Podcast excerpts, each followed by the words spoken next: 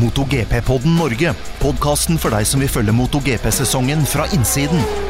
Programleder er TV-kommentator Stein Rømmerud. Hjertelig velkommen til en ny episode av MotoGP-podden Norge. Dette er episode nummer 24, og nå er 2023-sesongen i gang. For denne helgen så ble den første VM-runden kjørt i Portugal. Vi fikk tidenes første sprintløp. Og vi har etter hvert begynt å få noen um, interessante resultater å se nærmere på. I denne episoden så er det Karoline Olsen som er med. Hei på deg. Hallo, Stein. Og jeg som heter Stein Rømmerud. Og vi skal uh, aller først Karoline, se litt nærmere på hva som skjedde i Portugal, som sagt, før vi begynner å snakke om kommende helgs VM-runde i Argentina. Men det ble jo tidenes første sprintløp. Seier til Pekko Bagnaya han vant jo da tre tideler foran Jorge Martin, og vi hadde Marc Marquez på tredje. Eh, men før det hadde vi jo faktisk en kvalik, og Marquez i pole, den så vi ikke komme.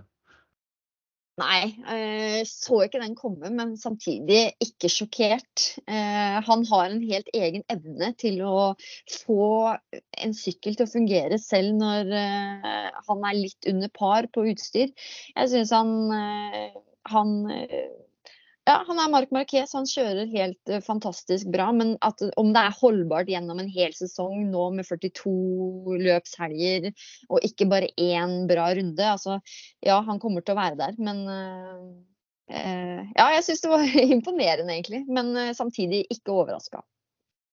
Men for et sprintløp det ble. Vi hadde jo en vanvittig seanse der på tolv runder på Portimao-banen. og Det er jo en litt teknisk eh, og krevende bane. Det er ikke så veldig god plass i alle, alle mm, partier av banen, men det ble jo etter hvert et vanvittig forrykende race. Og som sagt, Pekko Bagnaya vant, men eh, det var mye drama underveis der. Ja, det var det. Marie, eh, Luca Marini sa det egentlig veldig fint. For han eh, forklarte et vanlig fullengdeløp som en innledning de første fire-fem rundene, hvor alle fighter om posisjoner på banen eh, og i løpet. Og så har du et midtparti hvor det, hold, hvor det mer eller mindre dreier seg om å forsvare posisjonen sin, ikke tape for mye, ikke eh, slite ut dekk og fører. Eh, og så på slutten hvor på en måte de siste rundene handler bare om å kjøre så fort som mulig, bruke opp det du har igjen av dekk, og alle prøver å vinne.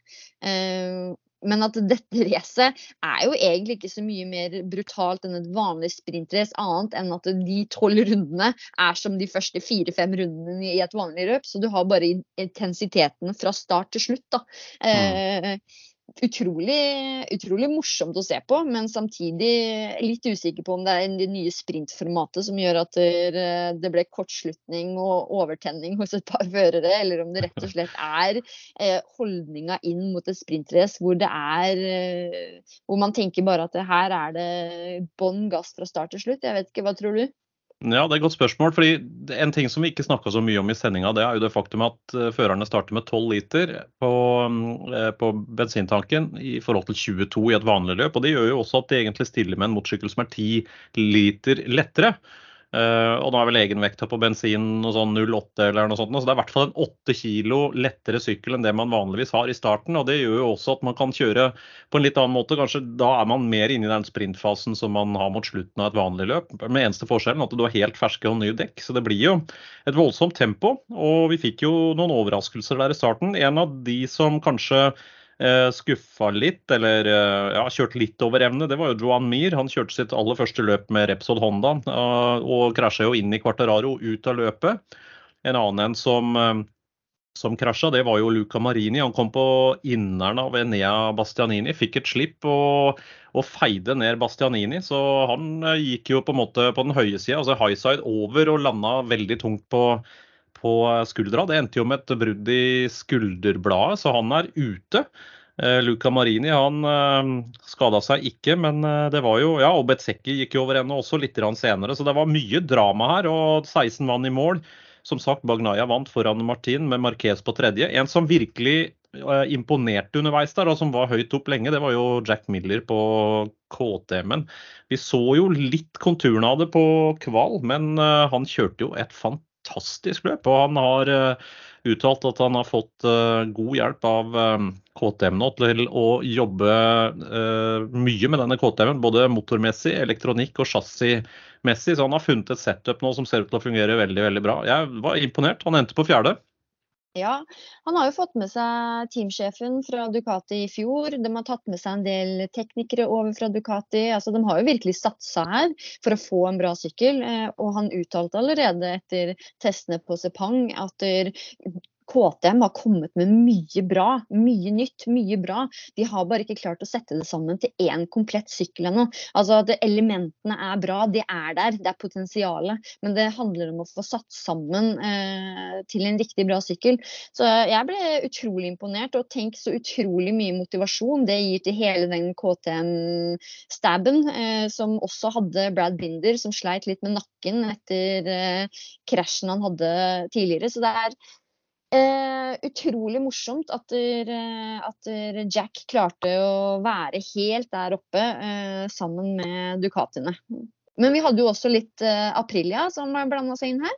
Mm, veldig gøy å se Aprilia-gutta. Vi hadde jo Vinales på femte og uh, Aleiche Spargaro på sjette. Så det så jo utrolig bra ut. Og ikke bare det, men vi hadde jo Miguel Oliveira på sjuende i sprintløpet. Så de hadde fem, seks, sju. Tre, eh, tre Apriliaer blant topp sju. Så det tyder jo på at de også er er et sted som ser veldig, veldig bra ut. Eh, hva skal vi si om selve sprintformatet, Karoline? Er dette veien å gå videre for MotoGP-sirkuset? Jeg tror det. Eh, fordi at det er noe som har vært eh, hatt stor suksess både i Formel 1 og i World Superbike. men jeg tror at det vil ta litt tid, både for førere og for team, å få liksom kjørt seg inn litt, eh, om man kan si det på den måten. Jeg tror det er et ekstremt krevende tidsskjema for førerne. Altså med nå at du har istedenfor free practice, eh, som det tidligere het, at du har P1, P2 på fredag, som allerede da er gjeldende. For, eh, for hvem som kommer direkte inn til Q2 på, på lørdag. Det er liksom Vi så jo det, Bagnaya hadde jo en krasj på kvalen som gjorde at eh, du er mye mer sårbar eh, hvis du f.eks. krasjer på kval og du må bruke gå rett ut på da din nummer to-sykkel. Si at du da Hvor mye skal du faktisk pushe på resten av den kvalen? Fordi du er jo helt klart nødt til å ha en fungerende sykkel som på sprintrace senere på dagen.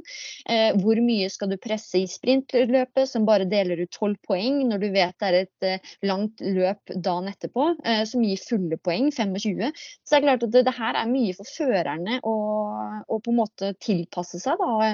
Kanskje endre litt mentalitet når de nå ser hvilket eh, ja, jeg vil si at det var en brutal helg med tanke på skader, som du var inne på. Um, en som kanskje skuffa litt, eh, det var jo Quartararo og Yamaha. Eh, vi ser jo hvor utrolig sårbar du er. da. Quartararo kvala inn på en ellevteplass.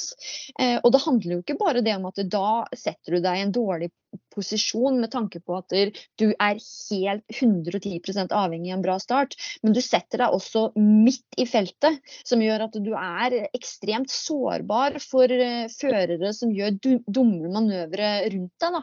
Er du i front, så klarer du å styre unna veldig mye av det, og du kan på en måte dirigere din egen skjebne litt bedre. Men det er klart, starter du midt i den klynga der av sinnssyke førere som bare er bånn gass all out, så er det klart at risken er ekstremt mye høyere.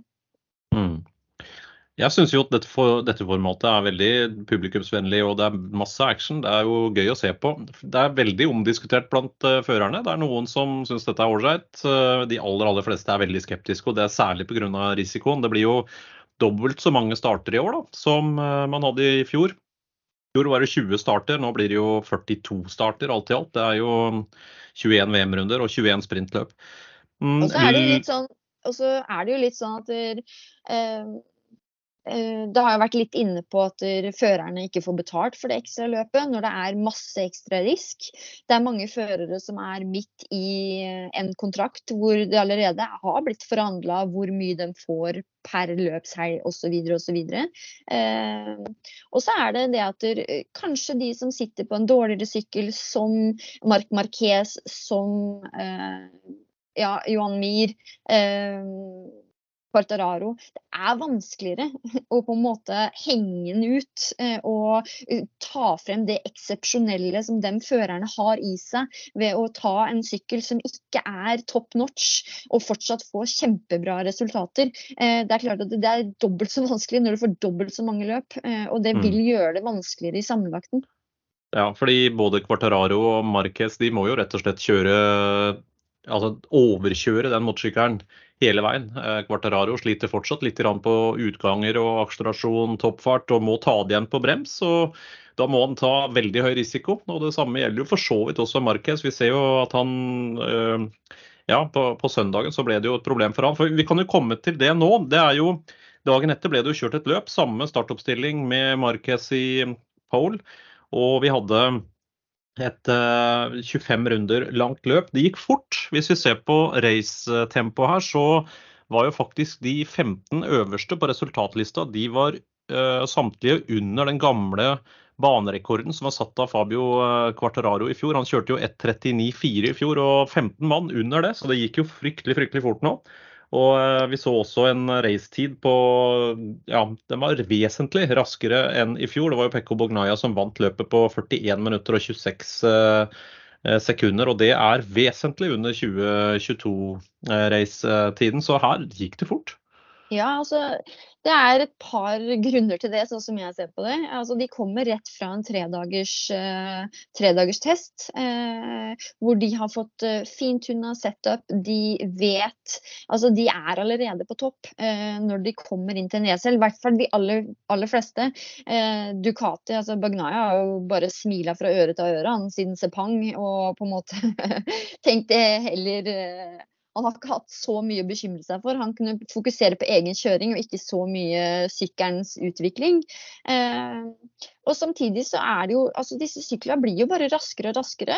Aerodynamikken, det er eh, eh, utrolig utvikling på det om dagen. Ikke bare motor og toppeffekt som det har vært tidligere, men det å klare å få effekten i bakken og få masse grep ut av sving. Og det er jo kanskje der Honda, Honda mangler litt akkurat nå, da. Og en av grunnene til at vi så Marc Marquez eh, Um, ja, gjøre kanskje han, fikk, han, ble ikke akkurat populær eh, på starten av den sesongen her, om man kan si det sånn, Stein?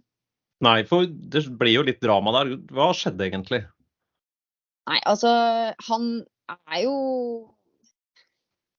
Sånn som Marquez forklarte det etter løpet, det er det at han hadde valgt et hardt framhjul. Eh, hvor han rett og slett ikke hadde tid til å la det altså kjøre inn det framhjulet. Fordi at når teten stikker Han har vist det gang på gang at han kan henge.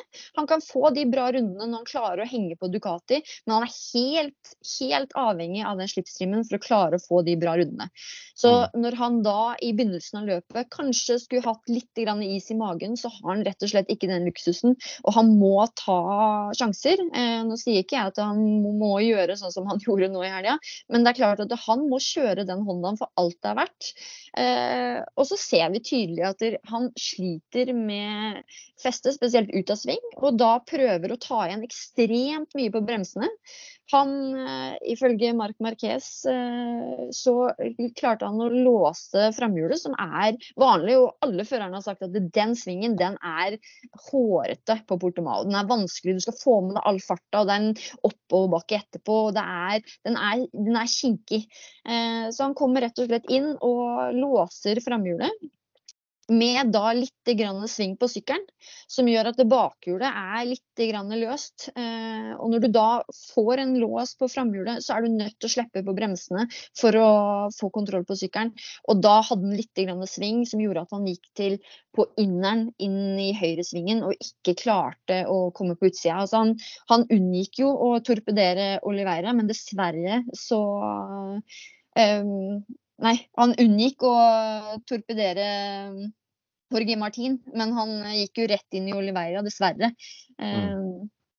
Så det er ja. Han, og han var jo så vidt borti Martin også. Det var Vi så det jo ikke så veldig tydelig på TV-bildene, men han han slo borti da høyrebeinet til Martin idet han passerte. Han traff med et eller annet på, på motorsykkelen sin, og det viste seg jo etterpå at Martin brakk en tå og skada også ankelen. Selv om han ikke var uh, av, av hjula. Og det prega jo han resten av løpet. Han fikk ikke lagt noe særlig press på høyrebeinet sitt. Men for Miguel Oliveira så gikk det ikke fullt så bra. da. Det ble jo en full T-bone. Han kom bakfra og torpederte Oliveira i fullt døs der. og Oliveira har skada seg. Han eh, må da stå over eh, neste løp. Eh, det, selv, det, samme gjelder Mark Marquez. Han brakk en, et bein i, i, tommelen, så det er også game over for han. Så begge de to må jo stå over neste løp nå. Men det ble en straff da på, på Marquez. Det ble en dobbelt long lap penalty, og det første som sto på Eh, på den straffen, var at den måtte avtjenes i neste løp. Men i og med at han er skada og ikke skal kjøre neste løp, så kom de etter hvert med en korreksjon på det. Og da står det rett og slett at han må avtjene den double long lap penaltyen eh, på neste race han stiller til start. Og det kan jo bli på Kota i USA eh, senere i, i april. Ja, det er jo Det har jo vært litt kontrovers rundt det også. Nå har jo Honda lagt inn en appell på den eh, beslutningen. Fordi de protesterer ikke straffen i seg selv, eh, men protesterer det at de har endret fra eh, at den skal avholdes i Argentina, til nå første race han er tilbake.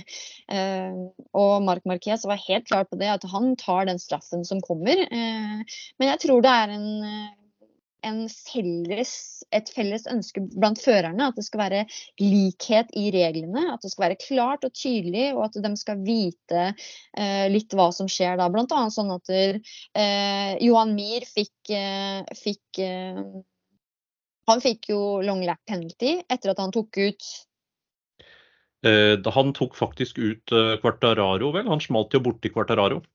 Ja, og han fikk mm. long lap penalty for det. Eh, mens eh, Luca Marini han eh, tok jo ut eh, Besecchi, eh, nei, sorry, Bastianini, hvor de ja. begge to krasja, og han fikk ingenting.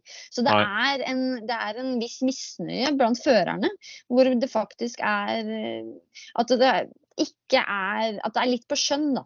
hvordan ja. de forskjellige førerne straffes. Men det der er jo veldig vanskelig for en jury også, fordi én eh, ting er hvis man kjører åpenbart over evne, at man gjør en farlig handling som setter uh, de andre førernes uh, sikkerhet på risk. Det er jo soleklart. Da skal, man jo, da skal man jo straffes for det. Men samtidig, racing er racing, og det kan skje ting underveis som man er uforskyldt for. Og det kan jo være sånn type race incident som vi ser veldig ofte. Og jeg tenker jo den Eh, den hendelsen som du beskrev sist der, er jo egentlig, en, etter mitt skjønn i hvert fall, en, en race incident. Han, eh, han, kom på inneren, og de hadde god kontroll, men han får et forhjulsslipp. Det er ikke sånn at du etterpå, hvis du ser på telemetrien og tenker han gikk inn 10 km i timen for fort, eller noe sånt, han hadde en normal hastighet, det var en normal fase av løpet, og da er det sånt som skjer. Uflaks for den personen som ligger på utsida.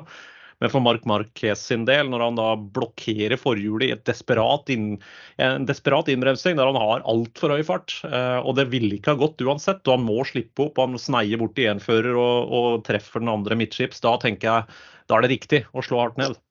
Helt klart. Og han har jo hatt en tendens til å ta litt sånn ufine, ufine manøvre tidligere, så jeg er helt enig.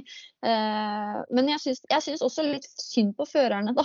at det, det, blir vanskeligere og vanskeligere å kjøre forbi. Eh, tidligere så var det sånn at kanskje den største muligheten til å kjøre forbi var under bremsing, men nå er alle syklene så utrolig bra på brems eh, at det blir vanskeligere. Det er mindre forbikjøringer nå enn tidligere. De lager et sprintrace som skal få opp intensiteten. Eh, og Besekki, som gjorde en utrolig bra jobb, kom på tredjeplass i, i hovedracet. Han sa det at han tok et par forbikjøringer, rett og slett eh, altså holdt seg litt for øya, tok et par hårete forbikjøringer. fordi det er sånn du må gjøre noe. Det er, de mm. ligger så på grensa alle sammen. Og skal de forbi, så må de Det er ikke så cleant som det var tidligere, da. Så det er en litt sånn derre jeg vet ikke. Jeg syns det er vanskelig for føreren òg. Og vi ønsker jo ikke at det her skal bli en sport hvor man ikke kan kjøre forbi fordi man hele tida risikerer straff fra en jury. Altså Her handler det om um, førere som rett og slett ønsker å bli best og raskest på motorsykkel. Og da er det liksom sånn derre Ja, jeg blir litt sånn frustrert over situasjonen nå, for jeg ønsker ikke at det skal bli sånn at løp avgjøres av eh, folka i det juryrommet. Jeg er helt enig, og det, og det, bør være så konsekvent som mulig. og Hvis man da føler det ikke er konsekvent, så tenker jeg det er helt riktig å sende inn en um, anke. og Så blir det en ny diskusjon på det, og så får man i hvert fall en endelig, endelig beslutning som ikke er tatt i uh, in the heat of the moment, som det heter. Altså at man faktisk setter seg ned, gjør en grundig vurdering på det, ser på videoer og, og diskuterer, og så kommer man opp til en, til en ordentlig straff.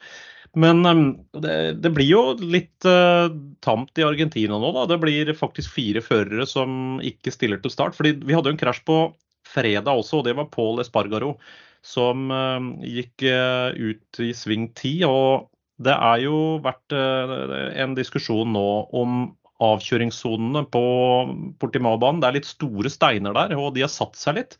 Og Det gjør at eh, en fører som normalt sett da kanskje ville ha blitt bremsa veldig i avkjøringssona, det skjer ikke på samme måte her. og Han ble jo slengt fra avkjøringssona og faktisk helt inn i den eh, barrieren som er i enden av avkjøringssona. Og der var det ikke noe airfence. Der traff han eh, et hardt Det var vel en dekkstabel, og det gjorde jo selvfølgelig at han pådro seg skader.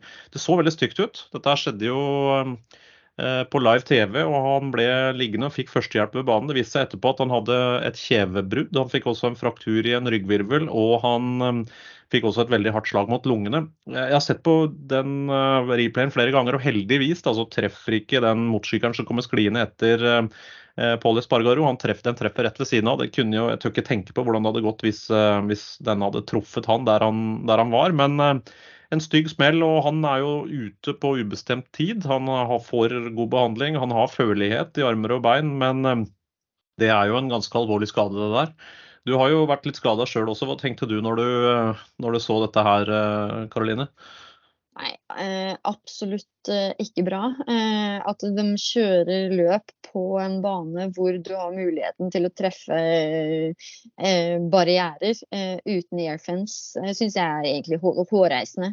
Og når du får vite at førerne har klaga over både grusen i samfellene og at det er for kort ut et par steder, og at det ikke er airfence i fire år uten at det skjer noe, så syns jeg det er fordi altså i mine øyne så er det ikke førerne sin jobb. Altså, de kan si ifra, men det er en så det er vanskelig å skulle se kritisk på hver eneste bane eh, og se alle farer, for å så eh, rapportere tilbake. Eh, og så samtidig, minutter senere, gå ut og risikere så mye og gutse så mye som disse førerne gjør. Altså Her er det noen som ikke gjør jobben sin, føler jeg. Så jeg blir egentlig litt sånn frustrert. Fordi ofte så er det sånn at det er ikke før en fører blir stygt skada at det skjer endringer. For det er klart at det her koster penger. Og det er garantert en, en eh, diskusjon på hvem som skal ta den regninga, og at det er det som er problemet. Mm. Men, er, eh, men eh, han er jo nå vi vet jo ikke hvor lenge han er ute, men det er klart med både han ute, vi har Mark Marquez ute, vi har hvem ble, ja, en, Enea Bastianini er jo skada. Han eh, brakk da den, eh, det skulderbladet sitt. Og i tillegg Miguel Oliveira, som ble truffet av Marc Marquez. Så det er fire førere som er uh, ute. Det ble 18 til start i Argentina i stedet for 22 som det var i Portugal. Men du har sett litt på regelverket der. Hvor lang tid kan teamene vente før de setter inn en reservefører? Reglene er sånn at fra en fører blir skada, så har teamet ti dager eh, på å annonsere en, eh, en eh, replacement rider, da, altså en testfører som skal inn og overta.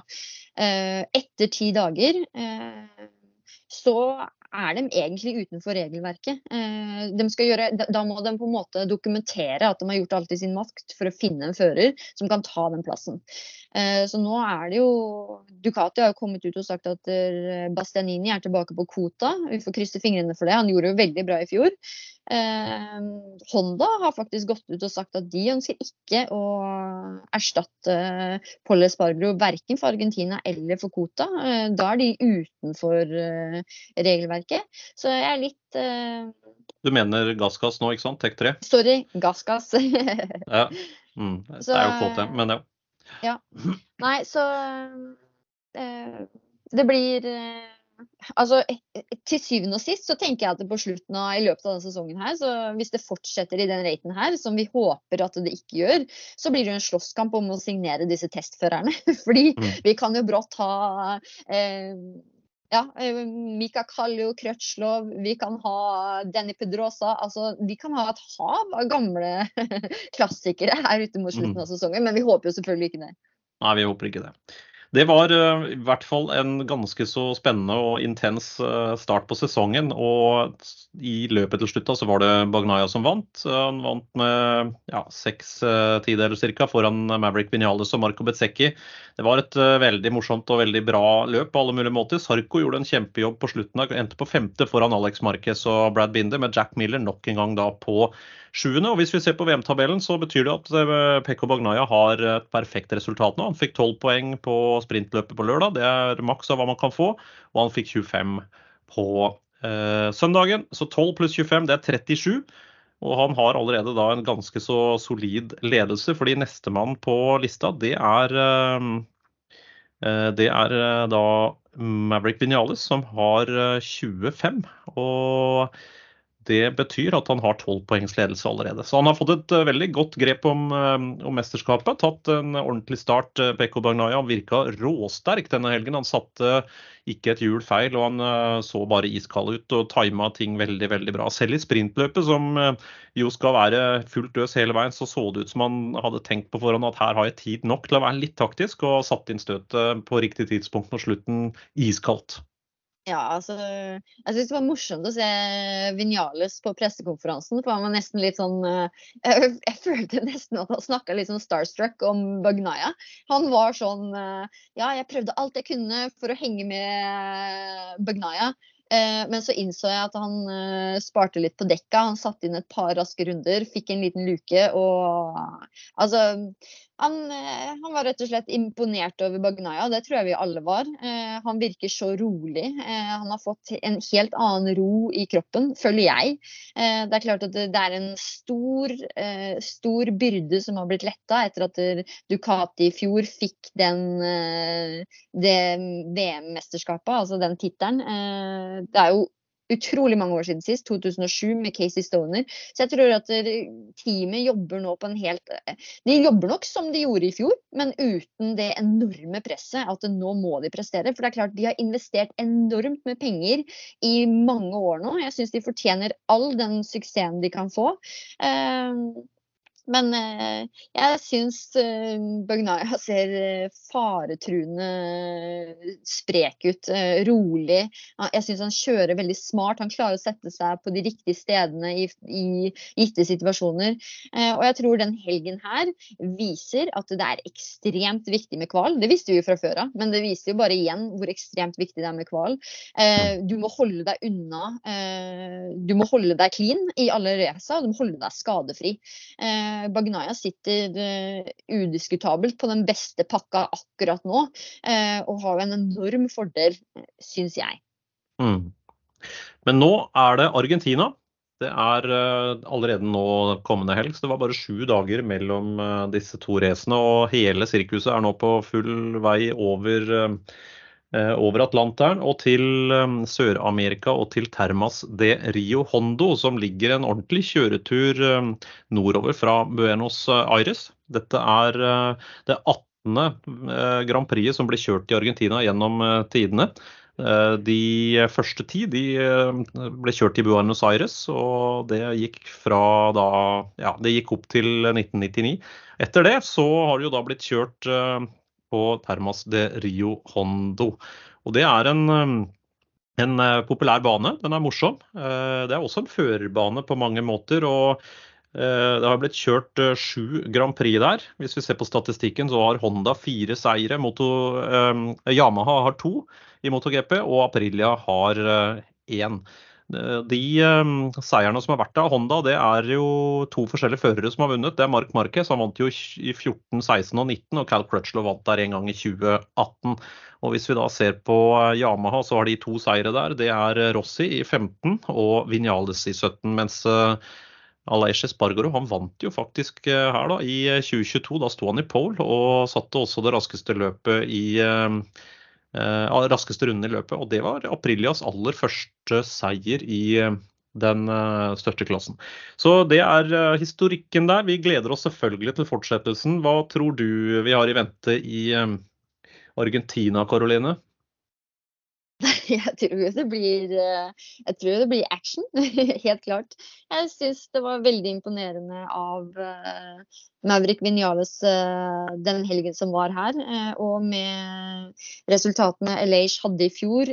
Maverick Vinales fullførte på en syvendeplass, men han kom jo sterkere mot, mot slutten av sesongen. han jeg tror at det kan være en, en bra bane for han. da Eh, det å flyte litt på det momentumet de har nå, da.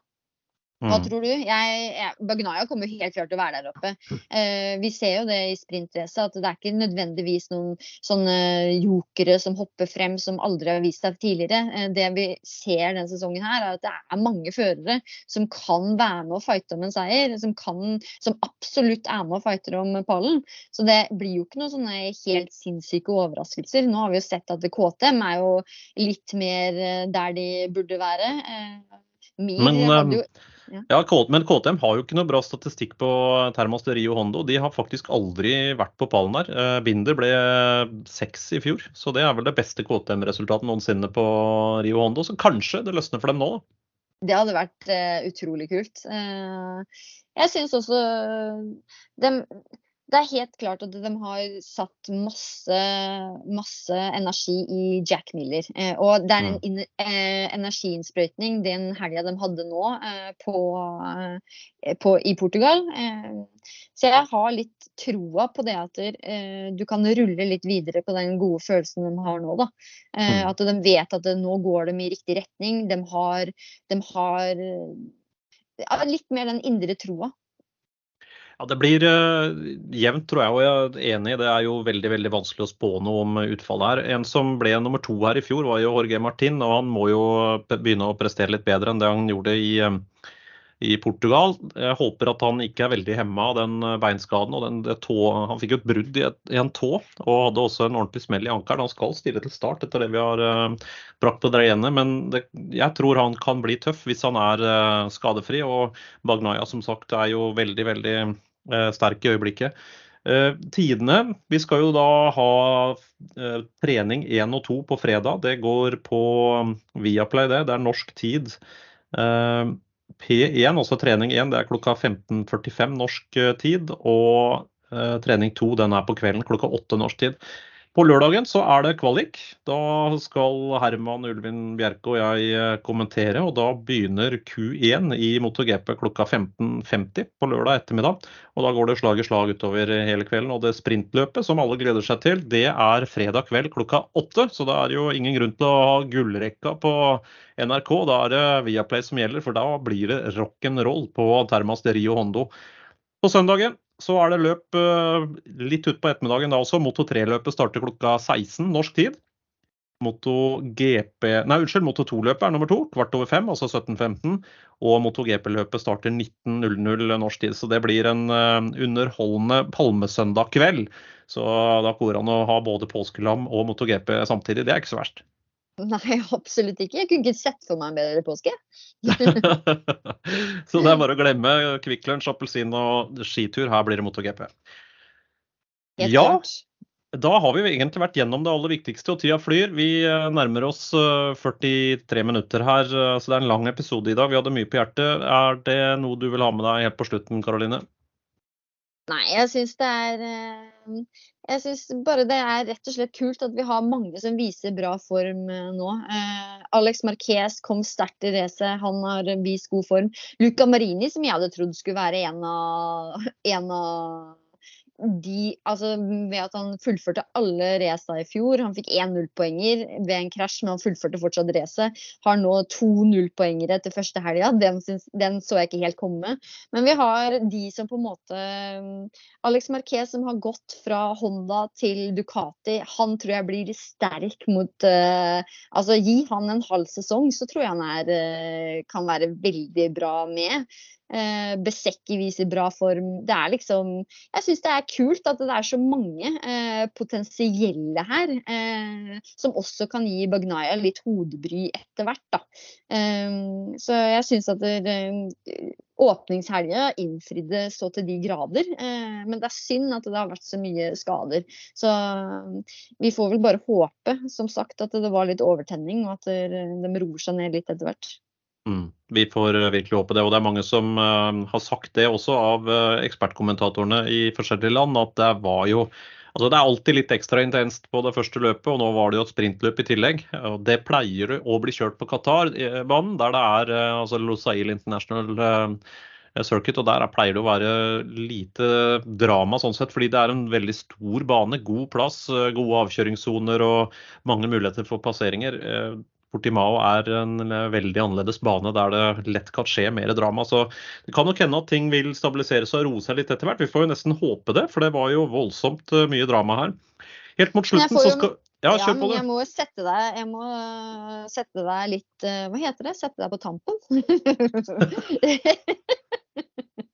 Nå er det ammetåka som slår inn her. Jeg beklager. Men jeg må, jeg må ta og utfordre deg litt nå, da. Uh, men ikke så vanskelig spørsmål. Men ser du, sånn som det ser ut nå uh, Hvis du måtte sette pengene dine på noen, er det noen andre Bagnaya som du, som du hadde turt å sette pengene dine på? For og jeg vet å... at det er på mesterskapet, selvfølgelig. Jeg vet ja. at det er et, en lang sesong, 42 race, og det er jo livsfarlig å tippe noe som helst. I hvert fall i den uh, jungelen her som har blitt, uh, blitt, forklart både av Petrucci og andre. Men uh, er det noen Er det noen Ja? Altså, jeg, Hva tenker jeg, du? Altså, fordi jeg, du, var litt, du var litt nølende på å gi meg noen svar etter den andre podkasten om hvem du tror. Ja, fordi jeg har brent meg på å spå ting etter første VM-runde før. Og det er eh, Så litt klok av skade, så er jeg litt forsiktig. Fordi ting kan skje. Og det er jo et veldig langt mesterskap i år. De skal kjøre, eh, de skal kjøre 42 løp, altså 21 vanlige løp, 21 sprintløp. 777 poeng er eh, på bordet som de skal kjøre om, og det kan skje ting. Det kan bli skader, det kan være andre ting som skjer utover i mesterskapet. Så det er klart, eh, Akkurat nå så ser Bagnaya helt utilnærmelig ut, men ting kommer til å endre seg. Det er det som er så fantastisk morsomt med den sporten her. og Det var vel det Nikki Hayden sa også. Vi vet jo ikke hva som skjer på søndag. Det er derfor vi stiller til start. Fordi ja. det er umulig å spå på forhånd. Eh, så jeg tenker at dette blir et eh, spennende, morsomt og underholdende mesterskap med en del nytt å glede seg over. Og jeg tror at mange av de førerne som nå skuffa litt denne helgen, de kommer sterkere tilbake. Og Det blir gøy å se hva Enea Bastianini får til når han er tilbake fra skaden sin. Vi vet han er rask, han vant mange løp i fjor. Martin vil bevise en gang for alle at han har fortjent en plass i Factory-teamet og ikke i Pramac som han er nå. Sarko har enda ikke vunnet noen løp, men når vi ser hvor god han var på slutten av det løpet i helga, han bør også ha noe inne. Vi har begge Aprilia-førerne da, med Vinales og Aleish Espargaro som er rågode. En Mark Marquez som er supersulten. Quartararo som ikke har vunnet noe VM siden 2021, må overkjøre den Yama Hamad, men vi vet at han er fryktelig god på en del baner. Så jeg deler ikke ut noen ting ennå. Det, det eneste jeg kan garantere, er at dette blir helt rått. Jeg elsker det. Jeg, jeg, tror, jeg er helt enig med deg. Det, her, det gjelder å holde seg skadefri. Eh, og så tror jeg at det blir, det blir en fight til eh, mållinja i hvert løp fremover. Så det blir, det blir kult å følge med. Så med andre ord, det er ikke avgjort enda. Vi har bare kjørt ett løp av 21. Ingen grunn til å begynne å sette to streker under svaret. Så uh, det er vel fasiten herfra. Vi aner ikke. Det er, det er konklusjonen. Helt enig. Da skal vi gå inn for landing. Tusen takk for at dere har fulgt oss i denne podkasten. Hvis du skal unngå å gå glipp av en episode, så sørg for å abonnere på podkasten. Det er bare å trykke følg på det stedet der du pleier å høre podkast. Det koster ingenting, det er helt gratis, men da går du i hvert fall ikke glipp av noen episoder, og da har vi flere faste lyttere, og det er vi veldig glad for. Send gjerne en mail på stein så tar vi opp eh, spørsmålene dine i neste sending. Vi er tilbake igjen med en ny episode eh, mellom Argentina og USA. Og da gjenstår det vel egentlig bare Karoline, å ønske alle lytterne våre en god reishelg og en god påske. Ja, god påske alle sammen. Du har hørt MotoGP-podden Norge med programleder Stein Rømmerud.